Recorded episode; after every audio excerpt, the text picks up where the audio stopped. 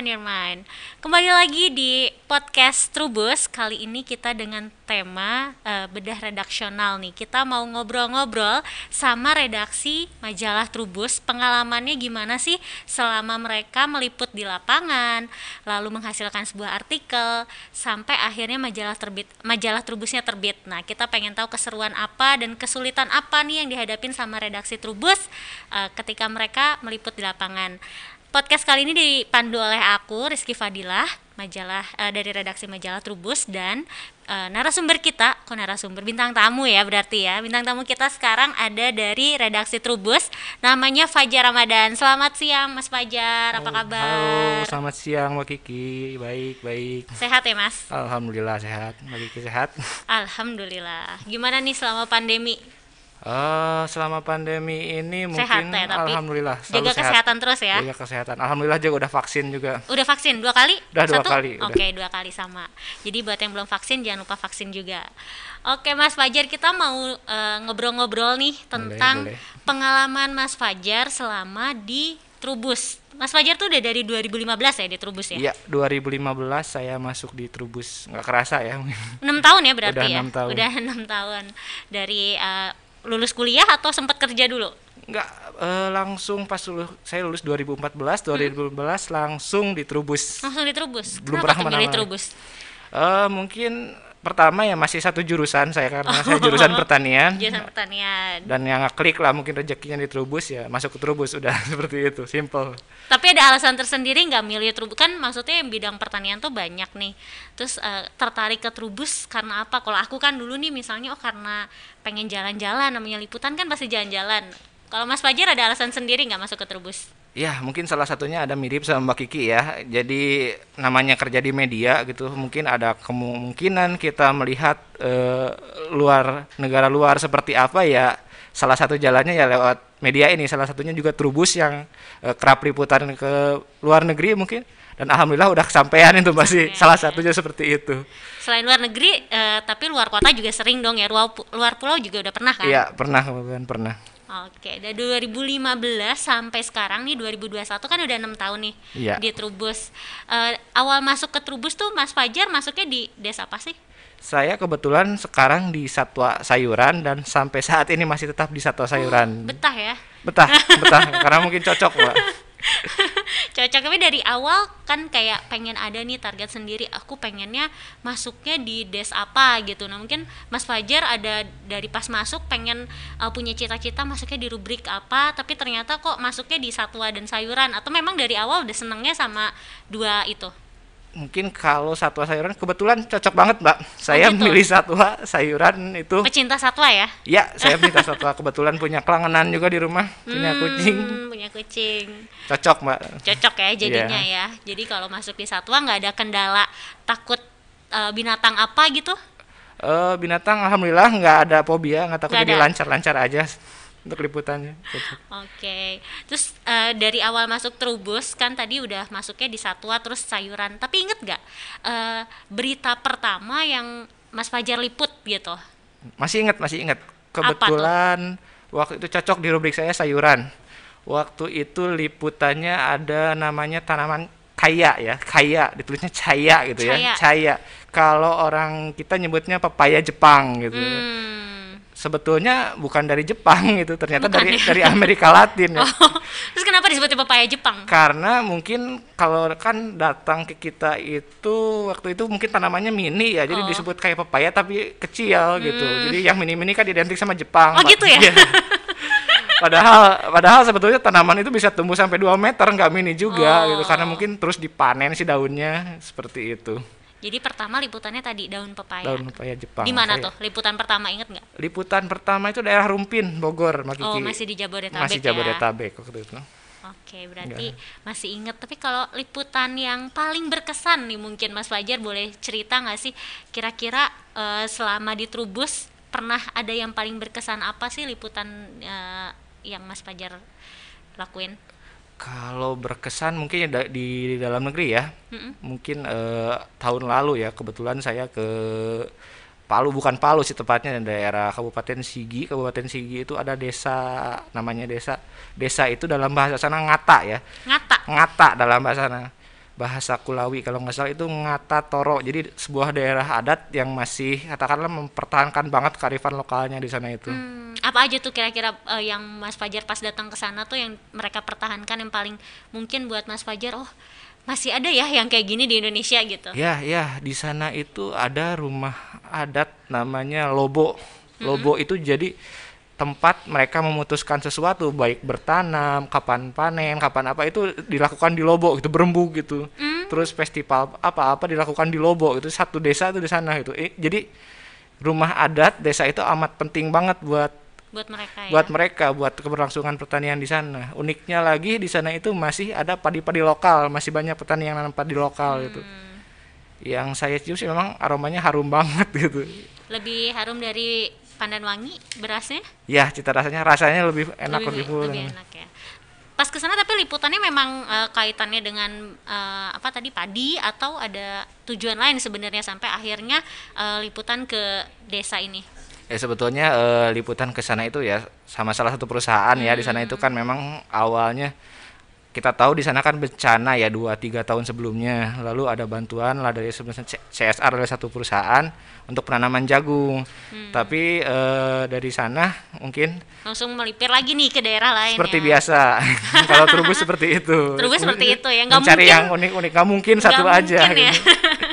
Jadi datang ke satu wilayah harus dieksplor semaksimal mungkin. Betul seperti itu Mbak Kiki. Oke, jadi tadi ketemu masyarakat adat di sana ada hal yang berkesan nggak pas Mas Fajar eh, wawancara? Mungkin apakah dari sistem budidayanya mereka sendiri ada mengandung unsur-unsur apa gitu kan? Biasanya kalau di daerah yang masih ket- kental adatnya tuh eh, mereka masih mempercayai satu hal tertentu gitu. Nah ini kalau pas di sana ada juga nggak? Ada ada Mbak Kiki. Seperti halnya apa ya? Kan mereka itu ada aturan kan dikelilingi si Toro Desa Ngata Toro dikelilingi bukit gitu ya. Jadi pada musim-musim tertentu ya daerah itu tidak boleh diambil gitu. Misalnya ke daerah bukit ngambil kayak rotan lain-lain itu pada Nggak boleh. tapi artinya kalau sebetulnya di- dari pandang dari sisi ekologi itu lebih ke konservasi Mbak Kiki ternyata Oh. tanaman-tanaman keras itu ya nggak boleh diambil sembarangan seperti itu intinya ya kalau diambil sembarangan kan mungkin efeknya kan karena mereka seperti lembah gitu bisa dilongsor Longsor segala ya. macam seperti itu masih erat dan itu eh, ya saya luar biasa ya pada mereka itu yang sampai sekarang masih gitu mempertahankan sampai sekarang Jadi sebenarnya jadi wartawan Trubus atau redaksi Trubus nih nggak cuma liputannya khusus pertanian doang ya. Artinya budayanya juga kita eh, apa namanya kita dalami sehingga nanti beritanya tuh kayak lengkap gitu. Betul. Karena itu juga mempengaruhi ya ternyata tadi mereka ada suatu kebiasaan tersendiri sehingga eh, membentuk suatu adat yang akhirnya menarik buat diinformasikan kepada eh, pembaca Trubus, buat sahabat Trubus nih. nah, betul. sahabat Trubus jadi Mas Fajar ini kan tadi eh, cerita kalau dari 2015 nih di Trubus sampai sekarang 2021 itu tuh selalu di desa yang sama yaitu satwa dan sayuran. Nah, kita pengen tahu nih kalau di satwa sendiri Mas Fajar pernah punya pengalaman menarik apa sih? Siapa tahu pernah ngeliput eh, yang gede-gede gitu binatang yang gede-gede atau gimana? Oh, yang gede-gede ini mungkin kalau yang gede-gede paling agak wow itu itu kali ya Mbak Kiki eh, anjing termahal namanya Tibetan Mastiff itu itu eh, mungkin sohornya yang punya itu orang-orang kaya Singapura gitu. Jadi Trubus inilah saya bisa melihat Tibetan Mastiff itu luar biasa sosoknya gagah gitu. Yang Sebelumnya nggak kebayang ya bisa nemuin nggak, itu ya. nggak kebayang nemuin itu. Boleh disebut nggak? Masih ingat nggak harganya berapa? Kalau harga sih di kita sekitar sampai 200-an juta mungkin ya 200 itu juta, ya. ya luar biasa lah kalau nggak diterubus ya nggak mungkin Nggak mungkin ya. Iya, sengaja lihat seperti itu. Tapi pernah eh, luka enggak gitu pas eh, ke apa liputan satwa kan namanya satwa kan ada aja nih nyakar lah atau apa pas mau difoto kan terutama. Pernah nggak punya pengalaman eh, kayak gitu di di dicakar atau mungkin diapain sama satwanya? Eh, alhamdulillah sih nggak jangan sampai ya. Jangan sampai ya apalagi kalau liputan anjing-anjing yang besar seperti itu kucing juga karena mungkin kalau lebihnya seringnya kontes ya mbak Kiki ya. Jadi kalau kucing kelas kontes itu ya lebih kalem gitu tidak ada mungkin jarang ya yang seperti itu. Adapun mungkin ada hal yang nggak diinginkan mungkin sakit atau apa ya nyakar seperti itu. Rata-rata sih masih untuk kucing ras terutama ya masih bagus-bagus aman. Cuman mungkin ini kalau ada cakaran apa-apa ya kelangenan saya di rumah barangkali ya, seperti itu. Tapi memang punya satwa kelangenan juga ya, di Ya, rumah. Jadi ya, kalau ya. liputan kayak gitu sebetulnya kendalanya juga nggak terlalu besar karena udah udah sering berinteraksi kan sama kucing, anjing. Kalau ikan pernah juga liputan. Ya betul ikan juga pernah saya seperti itu kayak mungkin kalau ikan ya Mbak Kiki eh, tantangan lah saya sebutnya ya kalau kontes seperti itu kan kayak ikan cupang atau gapi itu kan kadang penjurian itu menjelang baru selesai menjelang maghrib gitu dan ikan itu kan eh, ukurannya sangat mini kecil gitu ya. Mungkin jadi Susah ya tantangannya itu. Ya harus momen yang tepat cahaya yang tepat fokusnya tepat biar jadi bagus itu tampilan bagus di majalah seperti itu tantangannya mungkin Nunggu ikannya diem juga kan nggak mungkin ya karena dia Betul. terus gerak. Momen. Punya trik sendiri nggak? Kok Kalau motong ikan kayak gitu kan susah tuh. Betul. Kalau aku nih dulu jujur suka aku ajak ngobrol walaupun nggak tahu ya ikannya ngerti apa enggak gitu. Oh, Tapi gitu. kayak mudah-mudahan dia ngerti gue susah nih gitu buat motonya. Diam, nggak? diam Ah, gitu ya. diem dong gitu. ya kalau itu sih kalau menurut saya triknya yang penting cahaya banyak tersedia Mbak Kiki Hmm. kalau cahaya banyak jadi untuk freeze-nya itu katakanlah lebih enak gitu. Katakan kalau gelap kan kita pasti harus naikin eh, ISO-nya segala macam. Kalau tersedia banyak cahaya kita potret lebih membantu seperti itu. Kalau misalnya izin dulu ya ke yang punya ikan misalnya Pak boleh kita bawa ke yang lebih terang gitu tempatnya? Seperti itu sih. Hmm. jadi kalau udah agak terang tempatnya, cahaya cukup, insya Allah pas momennya, ambil bagus momennya seperti itu. Berarti itu tadi ke teknik fotografi ya. Emang Iya. sebelumnya kalau redaksi Trubus tuh dapat pembekalan kayak gitu nggak sih Mas Fajar?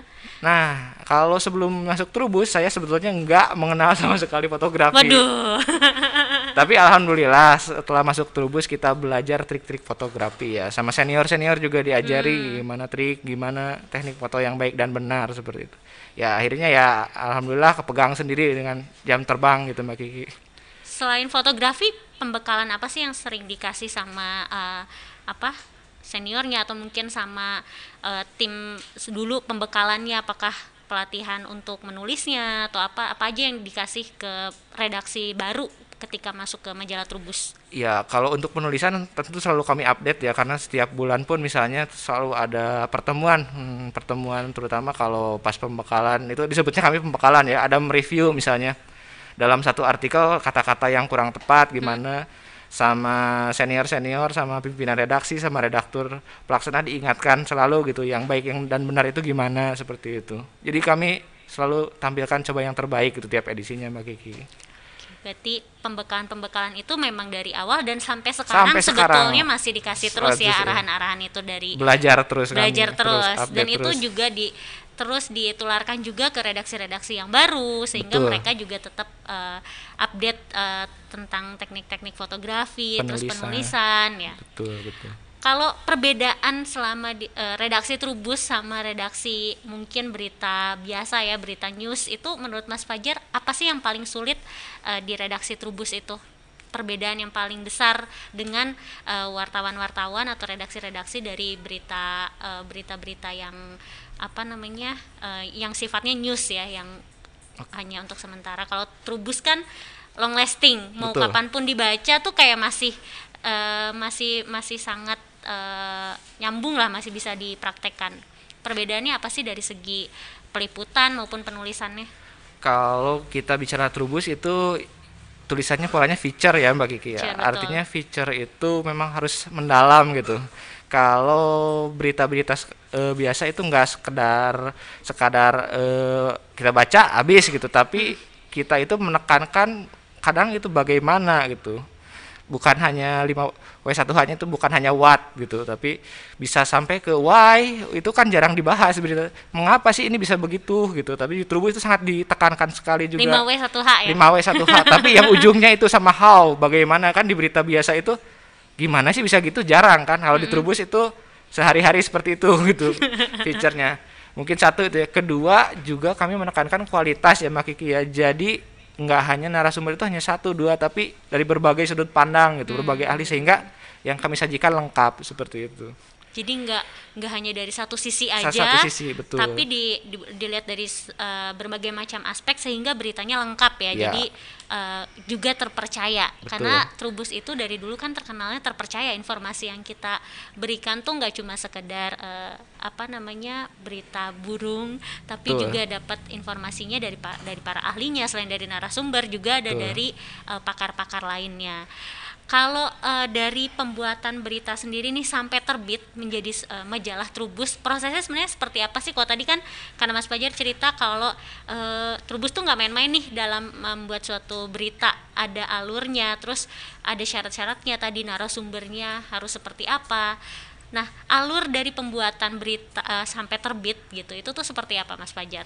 Oh mungkin kalau dibicarakan cukup panjang ya. Panjang ya? Panjang. Alurnya panjang banget soalnya. banget.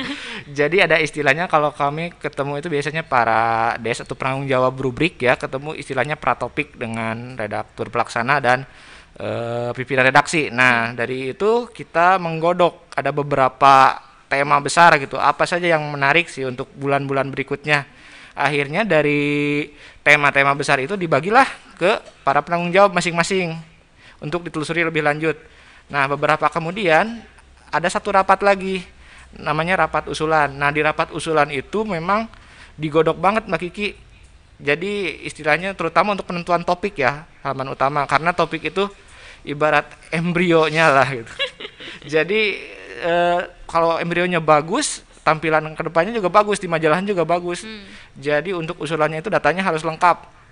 Misal kalau kita eh, usulannya tentang peluang bisnis nih ya, permintaannya harus jelas, langsung eh, kapasitas produksi satu produsen harus jelas, eksportirnya harus jelas. Jadi mungkin selengkap mungkin sehingga pas menyajikan di majalah itu sangat bagus seperti itu. Itu jadi tantangan juga bagi kami di sini yang harus selalu siap Jadi menyajikan. ngusulin topik tuh bukan cuma sekedar nih ada usulan tentang misal tadi asiri ya. Betul. eh, edisi November Betul. nanti kan minyak eh, tentang minyak asiri. Ini ada usulan minyak asiri nggak bisa cuma kayak gitu aja ya. Ya, Berarti nggak harus bisa, sudah betul. dengan data lengkap yang eh, berarti ada penelusuran awal dong ya Mas Fajar. Iya, betul. Itu istilahnya penelusuran awal. Hmm. Digodok lagi baru diliput. Nanti Oh. dipilih disaring yang terbaik seperti itu. Dan itu biasanya dalam satu bulan tuh ada berapa topik yang diusulin sampai akhirnya terpilih menjadi satu topik yang eh, terbit di edisi berikutnya. Rata-rata tiap bulan karena sekarang ada tiga penanggung jawab rubrik, rata-rata tiga dari tiga tema itu dipilih satu yang terbaik seperti itu. Biasanya apa eh, penentuan topik itu tadi kan ada tiga usulan. Betul. Apa sih yang paling membuat topik ini akhirnya dimajukan menjadi eh, buat edisi berikutnya? Penilaiannya tuh kayak apa biasanya? Oh, ada kriteria sendiri. Kalau misalnya eh, saya contoh ya eh, peluang bisnis itu eh, kita lihat apakah benar gitu permintaan penawarannya istimewa. Kalau misalnya ceruk pasarnya besar itu salah satu indikator dong. Kedua, apakah eh, berita itu masih katakan hits di masyarakat atau enggak? Itu jadi indikator lain. Ketiga, ada hal luar biasa istimewa, apalagi kalau ada tambahan tokoh-tokoh yang main itu orang-orang besar mungkin. Nah, itu jadi Ada nilai nilai, plusnya nilai ya? plusnya juga seperti itu sih. Garis besar penilaiannya. Berarti tadi setelah penentuan topik baru liputan setelah itu. Betul, setelah itu barulah penentuan topik, barulah liputan wartawan itu. Lalu setelah liputan eh, kami juga naskah ya ditulis reporter ya Mbak Kiki ya. Maju lagi ke redaktur. Setelah ke redaktur ada koreksi lagi, balik lagi edisi. Lalu ke bagian layout, setelah bagian layout balik lagi ke reporter, balik lagi ke redaktur sehingga barulah kalau semua naskah sudah terkumpul jadilah majalah Trubus seperti itu. Lumayan panjang.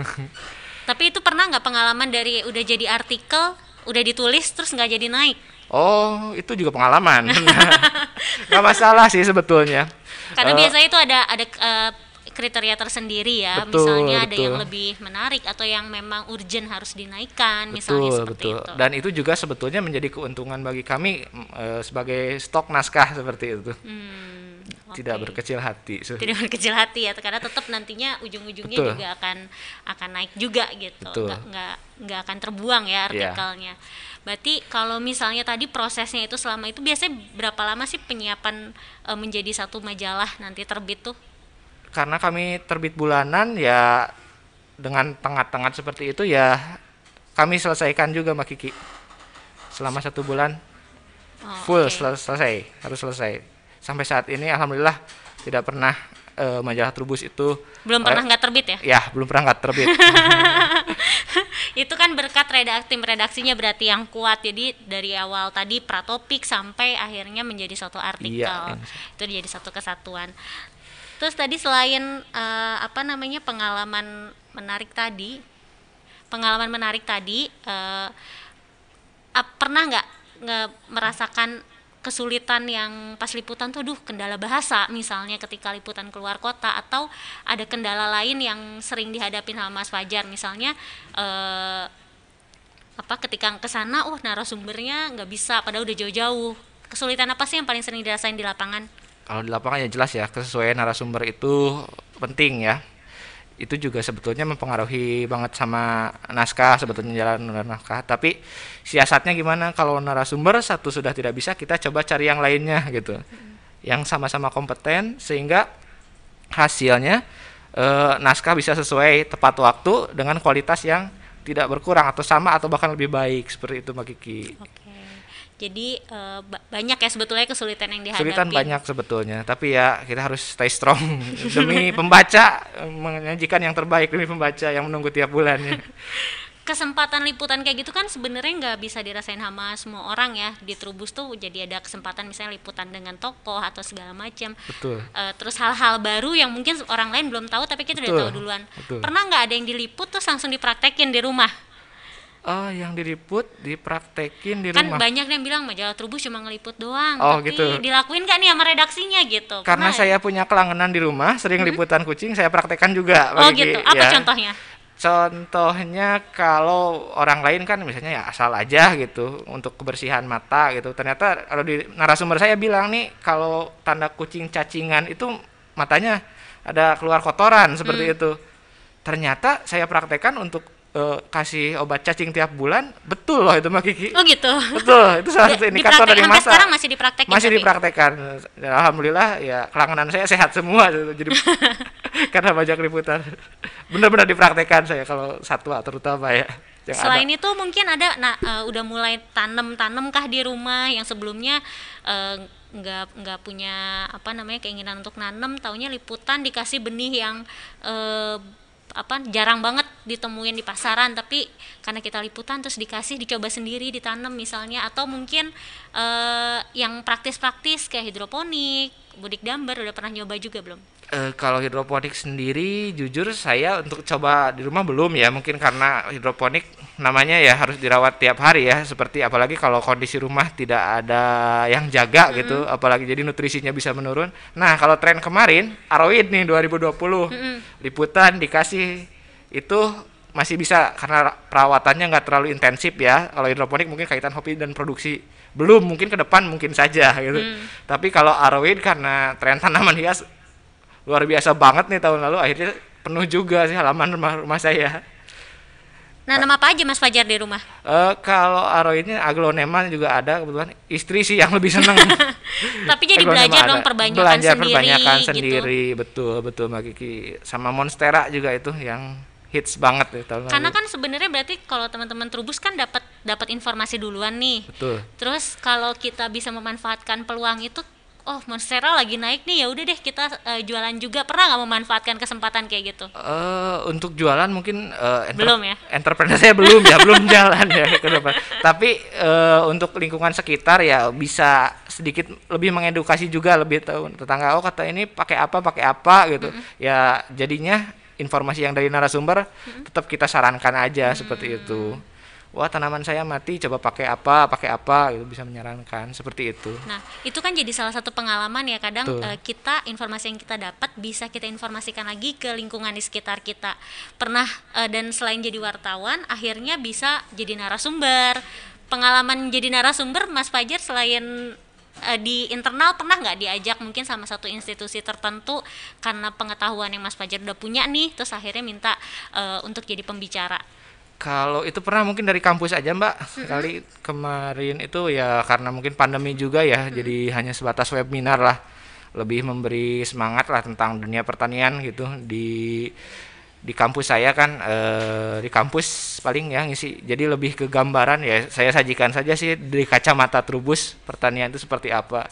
Juga mungkin buat menyemangati kaum kaum muda ya adik-adik kelas kebetulan di Trubus ada rubrik Muda Plus ya Muda Plus itu adalah pemuda atau pemudi bisa juga di bawah 35 tahun yang katakanlah sudah berwirausaha atau beragribisnis. Nah, dengan Muda Plus itu siapa tahu bisa menjadi inspirasi bagi siapa pun gitu, pemuda-pemuda untuk bergerak di pertanian terutama. Berarti udah banyak banget nih pengalaman selama enam tahun ya Mas Fajar. Ya, alhamdulillah, Mbak. pengalaman yang menyedihkan ada nggak pernah misalnya liputan ke luar negeri ketinggalan pesawat atau keluar kota ketinggalan pesawat Oh, itu hampir mungkin ya statusnya ketika 2017 di Horti Asia waktu itu undangan. Waktu itu kan majalah Trubus selalu ada tour ya berbarengan dengan tour. Nah, ketika itu saya berpisah karena bagian tour berangkat duluan, saya harus meliput dulu gitu ke mana. Nah, kondisinya pada saat itu handphone saya benar-benar blank, Mbak Kiki. Nggak tahu apa ya, mungkin daya di Indonesia nya berbeda, mungkin besar gitu di sana. Ya betul-betul blank. Akhirnya ya menunggu ke bandara, ya udah. Untungnya, untungnya pesawatnya itu delay sehingga saya terselamatkan gitu. Kalau enggak harus balik sendirian dari Thailand seperti itu. Untungnya delay. Gitu. kendala bahasa juga pernah tapi ngalamin ya Ya kalau kendala bahasa sih wajar sih, tapi karena kalau untuk sepulau Jawa ya eh, alhamdulillah nggak aneh-aneh gitu. Bisa berbahasa Indonesia semua. bisa Alhamdulillah. bisa ya Bisa, tapi misalnya eh, Mas Fajar tuh orang dari, Dari Jawa Barat Jawa Barat. Jawa Barat kalau ke Jawa Tengah ada kendala bahasa Eh, sedikit tapi bisa beradaptasi lah cenderung. Coba beradaptasi. Oke, nah tadi kan majalah Trubus itu kan berarti kalau menentukan sebuah topik itu kan sangat sulit. Kalau menurut Mas Fajar, Mas Fajar sendiri seberapa sulit sih untuk eh, karena kan kita nih Trubus ini sebagai trendsetter, terus juga kadang orang lain menjadikan itu sebagai kiblat untuk pertanian lah gitu. Eh, menurut Mas Fajar, eh, hal tersulit apa sih ketika menentukan topik ini perjalanan untuk sampai akhirnya dipilih menjadi topik utama itu yang paling sulit apa? Ketika di lapangan maupun ketika eh, mungkin pas rapat sama teman-teman untuk meyakinkan ini memang topik ini adalah sesuatu yang baru, sesuatu yang menarik gitu. Ya kalau kesulitan mungkin ya sulitnya itu memang dari kita harus update terus ya Mbak Kiki ya. Jadi wartawan itu pertama mata telinga kita itu harus jalatan gitu lihat mana lihat wah hal yang menarik potensi hal yang menarik itu sam- harus harus benar-benar aktif gitu Mbak Kiki. Jadi kalau e, untuk menemukan informasi yang menarik itu nggak kurang lengkap rasanya kurang serg juga gitu. Itu kendala. Kendala kedua udah nemu nih misalnya materi yang tepat. Kedua itu ya sama sih jadi kendala itu ya ketersediaan kesiapan narasumber gitu. Narasumber bisa dihubungi atau enggak itu kan sangat berpengaruh sih itu sih sebetulnya. Tapi ya alhamdulillahnya masih bisa lancar sampai saat ini Topik yang paling susah waktu itu diliput masih inget nggak? Yang mungkin ini udah ditentuin nih topiknya tapi untuk nyari narasumber mungkin karena saking barunya ya Betul. eh, atau mungkin eh, memang belum banyak yang eh, mengenal mengenal satu komoditas tertentu itu sampai nyari narasumbernya susah pernah juga nggak ngalamin itu narasumber oh, mungkin bukan topik ya mbak Hmm, mungkin bukan tuh? topik ini nih kalau pengalaman saya karena eh, Sri Walet juga Sri Walet ya, majalah Trubus itu setiap bulannya rutin menulis eh, Sri Walet ya. Nah, itu kan Walet mungkin sudah sampai 200-an lebih gitu 200 series gitu ya setiap bulannya. Mungkin karena informasinya itu kita harus gali gitu lebih dalam gitu untuk Walet itu tiap bulannya ya berseri itu harus ada gitu. Jadi kami agak kesulitannya itu apalagi kan Walet sebetulnya meskipun sudah lama belum banyak yang tahu juga ya Mbak Kiki ya bahwa Walet Terbatas tuh terbatas, terbatas juga ya. seperti itu pelakunya. Tapi ya eh, kan majalah Trubus juga ada sebuah standar ya. Sesuatu hal yang sudah diberitakan nggak mungkin nih diberitakan lagi itu. Kecuali itu adalah update-nya jadi selalu terbaru gitu Mbak Kiki. Itu mungkin berserinya itu ya itu sebuah kendala harus selalu update lah untuk materinya seperti itu Apalagi berarti seri walet tuh pasti di DC D satwa kan ya? satwa kebetulan saya menjaga gawangnya harus Oke. update Nah di Trubus sendiri kan ada topik eksplorasi ya. betul Eh, di mana itu biasanya kita mengeksplor suatu eh, daerah. Mas Fajar sendiri pernah nggak punya pengalaman untuk eksplorasi? Kalau eksplorasi sendiri mungkin ya beda dulu beda sekarang ya.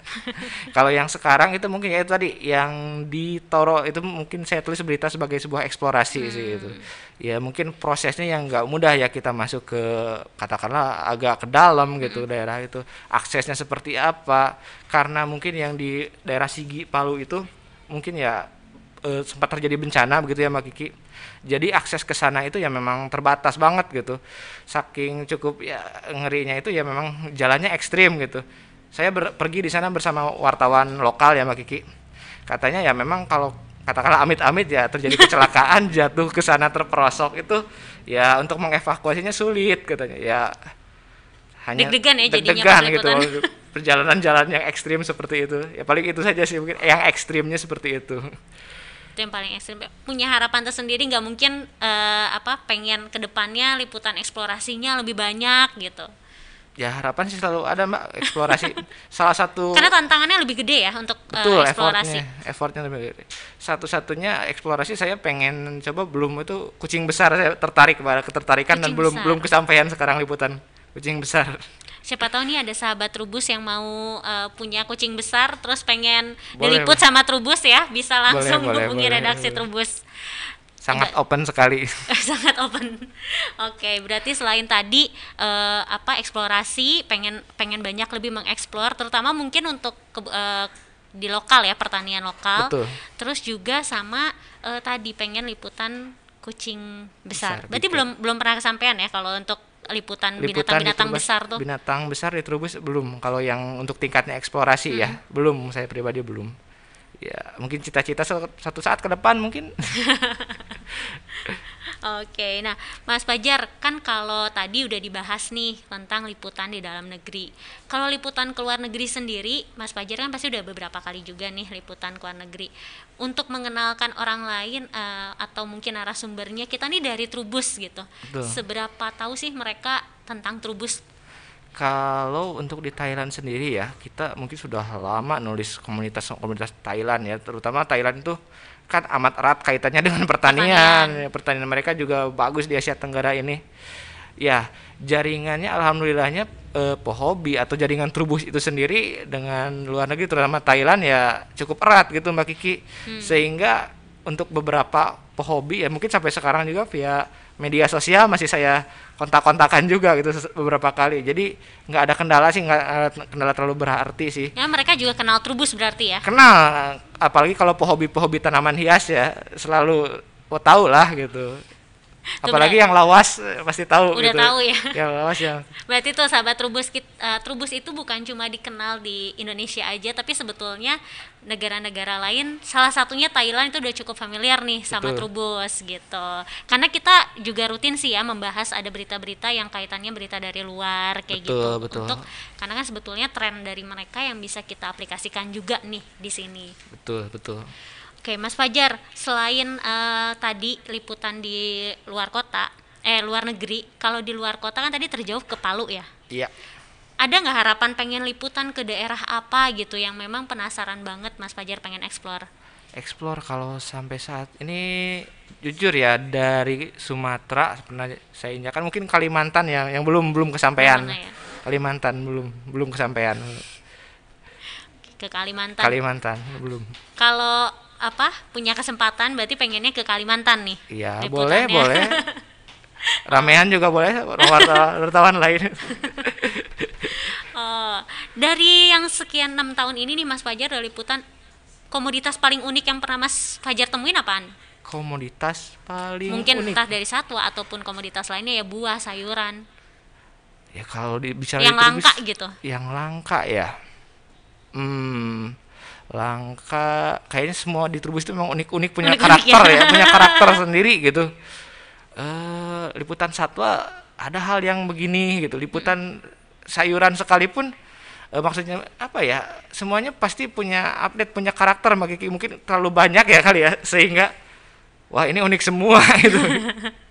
Kalau yang paling sih eh katakanlah mengena banget karena semuanya unik ya belum mungkin nanti akan saya cari lagi karena semuanya Saking unik banyaknya saking ya, banyaknya uniknya bagi Per per bulan itu berarti Mas Fajar liputan eh, sorry apa nulis nulis itu berapa banyak sih Mas? sekitar kalau jumlah halamannya ya Ah, untuk mau maksudnya berapa topik yang eh, berapa artikel yang Mas Fajar tulis tuh? sekitar 5 sampai 6 sih kalau nggak salah. Berarti kalau tadi enam artikel. tahun sk- eh, terus dikali per bulannya ada enam artikel berarti udah berapa banyak tuh yang Mas Fajar tulis berarti kan lupa ya makanya ya udah berapa Iya, banyak saking banyaknya. saking banyaknya ada hal unik lain nggak? Misalnya kalau pada saat uh, apa liputan Mas Fajar tuh men, uh, men, apa ya mengidolakan suatu tokoh. Terus melalui Trubus Mas Fajar nih jadi punya kesempatan untuk ketemu tokoh idolanya Mas Fajar itu. Pernah nggak? Ada ada ada. Waktu itu awal banget saya masuk Trubus 2015 kalau nggak salah. Nah waktu itu mungkin uh, sahabat Trubus ada yang suka nonton Animal Planet ya waktu itu. Ada acara boleh nyebut acara ya My Cat from Hell waktu hmm. itu ada hostnya itu adalah Jackson Galaxy namanya hmm. jadi di acara itu uh, kalau ada katakanlah kucing yang galak gitu bisa ditaklukkan sama Jackson sama Galaxy dia. itu. Dan akhirnya saya kesam kesampaian ketemu dengan Jackson Galaxy pada waktu itu. seneng banget sih. Itu kalau nggak di Trubus nggak mungkin kesampaian gitu ketemu sama Jackson. Dan dia kenal Trubus nggak? Uh, kebetulan belum ya. Jadi belum, kami ya? kasih Trubus majalah mengenalkan kan? Trubus pada Jackson. salah satunya itu menjadi jadi jadi ini ya mengenalkan juga ke yeah. idola kita jadi tahu nih oh ada terubusnya gitu Tuh. Oke Mas Fajar, berarti tadi perjalanan selama enam tahun ini kan pasti ada naik turunnya nih, ada uh, apa kesulitannya, tapi juga ada yang bahagianya. Betul. Hal paling bahagianya kalau selama di Trubus yang dirasain apa? Uh, selama beberapa tahun terakhir sih ya, yang paling membahagiakan itu tiap setahun selalu ada aja bahagianya ya. Salah satunya dua tahun setelah saya di Trubus itu pertama kali mencicipi terbang ke luar negeri ya ke Thailand. Itu katakanlah bagi ya apa ya di Trubus itu bagi saya itu jadi wartawan terutama ya. Jadi mancanegara itu berasa dekat seperti itu hmm. bagi ada ada istilah seperti itu. Mungkin juga impian bagi di Indonesia sendiri ya katakanlah yang tumbuh besar itu ya oh gimana sih dunia luar itu seperti apa sih? Gitu. Ya alhamdulillah berkat Trubus ini jadi pengalaman saya bertambah seperti itu Mbak Kiki. Itu sih yang benar-benar membahagiakan bagi saya. Pengalaman juga gitu. But, uh, apa namanya setelah liputan ke sana jadi lebih mengenal lagi betul, pertanian gak cuma di dalam uh, Indonesia aja tapi juga di luar negeri. Seperti apa hmm. betul. Pernah tapi punya pengalaman liputan udah gitu berita yang dibawa tuh tidak sesuai harapan. Terus akhirnya uh, disuruh liputan ulang. Pernah nggak kayak gitu Uh, liputan ulang mungkin belum pernah ya? Belum belum belum. Karena mungkin kalau Trubus itu sebelum berangkat tuh ada briefingnya tersendiri nggak sih? Mas Fajar mungkin diarahkan dulu oh nanti tuh harus seperti ini sehingga berita yang dihasilkan nanti goalsnya adalah seperti ini. Kayak gitu nggak? Ada ada Mbak Kiki. Terutama yang katakanlah wartawan-wartawan baru istilahnya kami itu tech QC ya quality control mungkin. Jadi hmm. lebih ke ngobrol-ngobrol dulu gimana nih artikelnya misalnya bisa senior atau des ya redaktur ngobrol sama wartawan diarahkan pembukaannya. Karena kan menulis itu paling susah itu memulainya ya. Openingnya openingnya dari mana? Nah openingnya misalnya uh, boleh sedikit uh, penulisan ya bocorannya ini.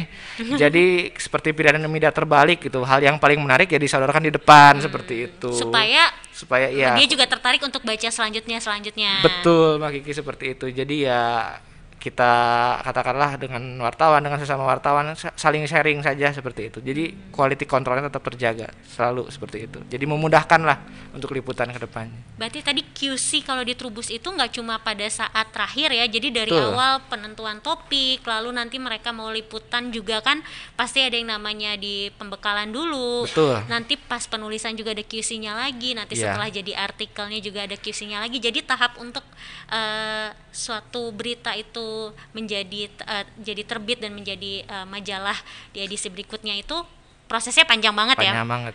Dan itu QC-nya juga di berbagai aspek. Betul. Berbagai saringan jadi Berbagai saringan. Ya, jadi katakanlah makin banyak saringan insya Allah upayanya lebih baik lebih sempurna gitu artikelnya seperti itu. Karena kan mungkin banyak nih sahabat Trubus yang pengen tahu kunci dari Trubus bisa bertahan sampai sekarang. Terus artikelnya itu memang e, punya daya jual yang tinggi terus informatif sekali. Itu rahasianya adalah tadi dapurnya Trubus itu seperti itu sahabat Trubus. Jadi dari awal itu ditentuin dulu topiknya apa. Melalui rapat topiknya juga nggak cuma sekali ada beberapa rapat topik pada pada saat mau liputan juga ada rapat pembekalan nanti juga uh, ada seleksi-seleksi artikel lagi ya betul, berarti. betul. sehingga akhirnya menjadi majalah Trubus yang terbit. Oke baik kalau gitu kita ngobrol udah panjang banget nih ya Mas Fajar udah ya. gak kerasa ya. Kita udah ngobrol-ngobrol uh, sama Mas Fajar tentang gimana sih uh, pengalaman Mas Fajar selama di lapangan. Karena mungkin orang-orang nggak tahu nih kan uh, gimana sih kita di balik layarnya susahnya kayak apa sekarang bisa sedi setidaknya sedikit tergambarkan perjuangan dari teman-teman redaksi majalah Trubus. Jadi uh, berita yang dibaca sama sahabat Trubus itu nggak salah deh pokoknya karena udah melalui eh, tahapan-tahapan uh, yang memang uh, apa uh, quality kontrolnya juga sangat dijaga. Oke, terima kasih banyak Mas Fajar Siap, atas sama -sama waktunya. Mudah-mudahan Mas Fajar awet terus ya di Trubus ya. Amin, amin. Dan bisa terus uh, menularkan semangat positifnya ke teman-teman redaksi baru lainnya. Terima kasih banyak juga buat sahabat Trubus yang udah menyaksikan podcast kita pada uh, sore hari ini. Nanti kita akan ada podcast-podcast berikutnya, jangan lupa. Dan podcast uh, sebelum-sebelumnya bisa disaksikan di uh, Trubus Channel ada beberapa uh, podcast sebelumnya termasuk yang tentang bedah redaksional. Sampai ketemu lagi di podcast berikutnya. Sampai jumpa.